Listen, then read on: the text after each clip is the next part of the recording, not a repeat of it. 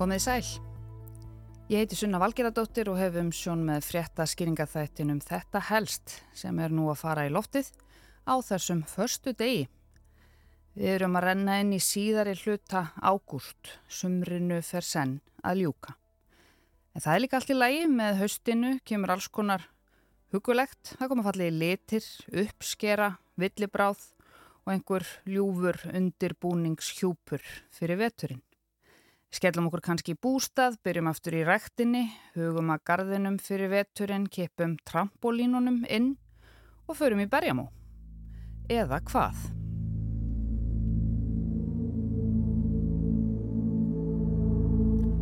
Vorrett og þurkar skila lélegri berja uppskeru þetta árið. Svona hljómar flenni fyrir sögn á rúf.is sem tók á móti mér í morgun. Útlitið er ekki gott fyrir áhuga sama bláberja tínendur á höfuborgarsvæðinu og það er í kring. Þar er um að kenna vorreti og frosti í mæ og júni. Þetta segir Sveitn Rúnar Haugsson, einn helsti álitskjafi þjóðarinnar þegar kemur að berjatínslu. Hann rætti við Karitas Mörtudóttur Bjarkadóttur fyrir fréttinnar í morgun. Þau eru víða komin eins og fyrir norðan og vafalítið fyrir austan líka og eins á austanverðu Suðurlandi, svona Suðursturlandi þá ætti, ætti að vera hef hefst að berjum á þessu stöðum og fengi að smakka berji fljótónum það er nú aðalega fyrst mér tími til að handtína núna býða aðeins með tínutnar í svona tvær vikur en hér í kringum okkur er útlitið ekki gott hérna á Suðvesturlandi. Vorrætti og frosti alltaf tíu gráðum á Suðvesturlandinni í mæ og júni má kenna um það. Tré og grasblettir hafa víða ekki tekið við sér sem skildi og þá sama á við um berjalingin. Sveit segist ekki vita hvar á landinu nákvæmlega er best að týna í ár. Hugurinn hjá mér, hann leita nú austur þessa dagana. Saði Sveit Rúnar við Caritas. Þegar kemur að vinsaldarlistum íslenskra berja tróna bláberinn líklega á toppnum. Samkvæmt samtökunum beint frá bíli eru hér á landi fimm bóndabægir sem selja ber til pöpulsins og vörur úr þeim. Það er hægt að kaupa bláberja, síróp, hlaup og sultu og svo auðvitað fersk ber. En ber eru ekki bara ber og bláber eru heldur ekki bara bláber. Því hér vaksa tvær tegundur af bláberjum og sumir segja meira segja þrjár, það er samt eiginlega ekki rétt, þær eru tvær, svo því sé haldið til haga. Bláber, vaksiníum, úlíki í nósum þekkjum við flest. Það er nokkuð algengt um land allt frá lálendi og allt upp í 800 metra hæð. Jurtin í heilsinni var áður talin kælandi og barkandi. Þessi tegund var notuð gegn lífsíki, köldu og skirbjúi en eins þótti duft af rótinni gott til þess að strá í holdfúa sár. Eins var áður fyrir lögur af bláberjum látin súrna og svo notaðu til þess að barka skinn á samt álúni. Bláberjalingið sjálft er með sífölum greinum og stakstæðum öfug eglega blágrænum blöðum ávölum í endan og oddregin. Til litunar má nota nýsóðin berinn til þess að gefa livrauðan lit en guðlan lit má fá úr blöðunum. Og svo er auðvitað þið augljósa að nýta berinn, aldininn sem myndast á höstin, fersk, í saft, sultu, böku eða hvað sem ykkur dettur í hug. Hér er ég að stiðjast við vefi náttúrufræðistofnunar og skóraktarfélags Íslands. Og þá að aðalblábyrjunum. Aðalblábyrjalingið Vaxinium myrtilus er lávaksið með tentum, ljóskrænum blöðum og smávöksnum bjöllulaga drjúpandi blómum. Stöngutin er grætt, kvass, strendur og jarðlegur með uppsvegðum greinum. Að hausti myndar lingið bræðgóð, dökkblá og nær kolsvört ber. Aðalblábyrjalingið finnst um allt land nema er sjálfgeft á Suðurlandi á milli Ölfusar og Skeiðarár. Tegundin þarf helst vetrarskílingu og reyðir sig á snjóalög eða skó til þess að hlýfa sér. Það er þess vegna algengt á snjóþungum svæðum eins og vestfjörðum í útsveitum á Norðurlandi og Östurlandi en á snjóléttari svæðum eins og Suðvesturlandi og Vesturlandi takmarkast það oft við dældir, botla eða skólendi og þá yðurlega ofar í hlýðum en annar staðar. Hæsti fundarstaður aðalblóbrælings er í 880 metra hæð á Barkárdals brúnum. Útbreðslan hefur aukist til muna síðustu áratugi innan skóa landsins. Þróunin verist vera svo að áður fyrir vissum mennum aðalblábyrjalinga á ákveðnum takmörkuðum blettum í skóinum en nú er það orðið ábyrjandi mjög víða. Stundum eru aðalblábyrjinn kölluð aðalber en það á við þegar berin eru nær alveg svört. Margir segja að það séu bestu berin, aðalberin. En ég minni nú aftur á hróðalegu fréttina sem var lesin hér upp í upphafið þáttar. Léleg uppskýra á suðvestur horninu, vorrett og þurkar og alls konar hræðilegt. Hvað gerum við þá? Jú, við kaupum bara berin. Við gerum það reyndar allt árið en það er aukaðtiði. Við flytjum nefnilega inn alveg heilan helling af bláberjum. Það er bæði hægt að sjá í búðum og svo líka hjá hagstofunni. Ef maður slæðir inn bláber í leitarklukkan þar, inn fluttningsleitarklukkan, þá fær maður upp ákveðið tollskrárnúmer. Stundum verður maður heppin, þá er varan sem leitaðir eftir í þessu tilfelli bláber með sitt eigið tollskrárnúmer. En svo hreinræktaðir hestar til undaneldis, þeir eru með sitt eigið tollskrárnúmer. Lifandi múlasnar og múldýr líka. En það eru bláberinn því miður ekki. Þau falla undir sama númer og ný trönuber, aðalbláber og þess háttar eins og það er orðað. Þannig að það er ekki hægt að sjá alveg upp á gram eða kíló eða tonn hversu mikið akkurat af bláberjum við erum að flytja inn. Það getur slaðist þarna inn einhver ný trönuber með. En ég held að það sé alveg óhætt að fullir það að bláberinn séu þarna í miklum meiri hluta. Allavega, þá höfum við flutt inn rúmlega 1500 tonn af bláberjum og aðalbláberjum og ferskum trönuberjum og þessartar síðustu 2,5 ár. Í svona bláberja fötu sem fæst út í búð Það sem er stundum svolítið happa-glappa hvort maður fái mikluð ber eða, eða ekki því þekkið þetta. Þá eru 500 grömm, hálft kíló. Samkvæmt mínum hávísindalegu útrekningum þýðir það að við fluttum inn og borðuðum þar af leiðandi vonandi cirka bát þrjár miljónir af svona bláberja fötum á árunum 2021 til júni 2023. Þetta er rúmlega 1 miljón á ári. En svo eru líklega inn í þessu frosinn blábyr í pókum og auðvitað líka flytja sultu, safa og grautarframleiðendur inn blábyr líka því að það er greinilega ekki hægt að treysta á íslenska náttúru þegar kemur að magn framleiðslu á blábyrjum sem þessi þáttur fjallar einmitt um. Það er gott að vera með svona talna blábyrja súpu í útvarpi til þess að halda aðtikli hlustenda. En við Ragnhildur Torlasíus, samstarfskona mín og fyrfirandi makker hér í helstinu, hún er í speklinum núna, Við deilum mörgu meðal annars áhuga á berjum. Og það er ekkert sem segir að maður þurfi að gera útvarstætti um ber akkurat á uppskjöru tíma eins og Ragnhildur síndi sannarlega fram á í myrkasta skamdeginu á þessu ári í lok januar. Hún vildi vita hvers vegna við getum ekki bara ræktað íslensk bláber hérna allt árið. Það er nefnilega ekki einfalt því að þetta vilda bláberja ling sem við myndum rækta virkar ekki inni. Við myndum þurfa að rækta bláberja runna og það eru runnarnir sem gefa af sér þessi hlussu ber sem við kaupum úti í búð. En Ragnhildur rætti við Holmfríði Gerstóttur, garðirkfræðing.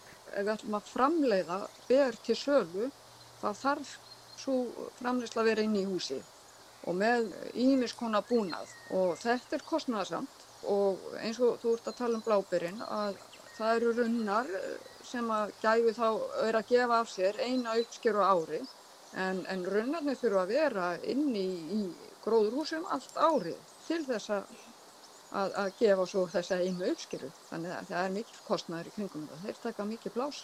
Þarf lýsingu og ímiskona búnað. Það er mikil mannskap í svona rækt?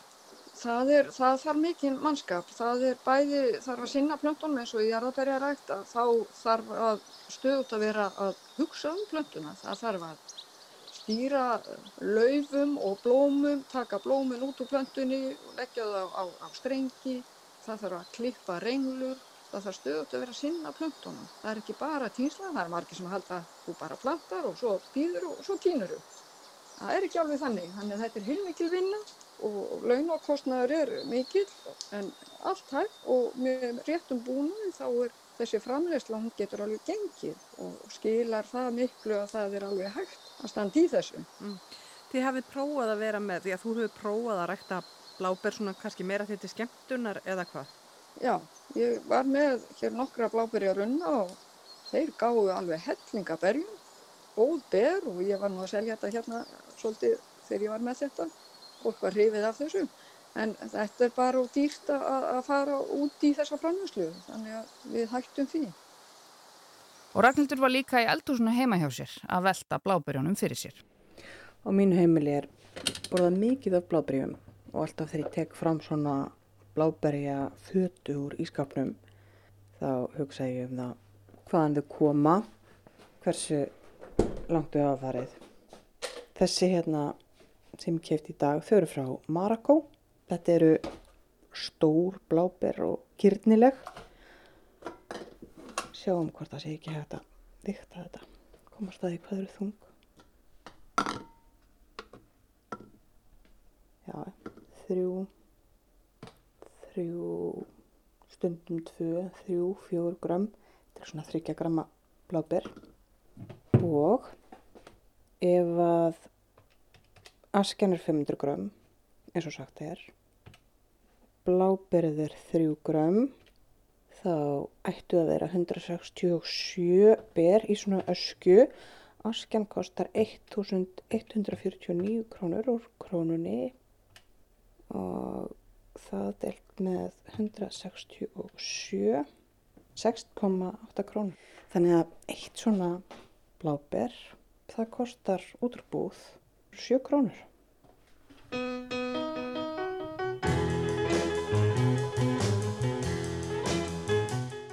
Ég ringdi Jón Arnarsson garðirkjufræðing, hann er núna garðirkjustjóri í Múlaþingi en kendi áður við garðirkju skólan og þegar ég spurðan hvort hann væri ekki reynslubolti í berjamálum, jankaði hann því. Jó, bæði hef ég nú haldið aðeins verið að nota það í kennslu og, og námskeiðum en svo verið að rekta ber sjálfur. Var með svolítið stórt land í flóanum, þar sem við vorum bæði með berjarinn úti og eins svona köld plastgróðurús þannig sem við vorum með ímiðskona berjarækt og, og áhersla. Þannig að það maður segja, jú, ég hef bæði fyrst að þetta sjálfur og, og eins komið að þessu kennslu og námskeið.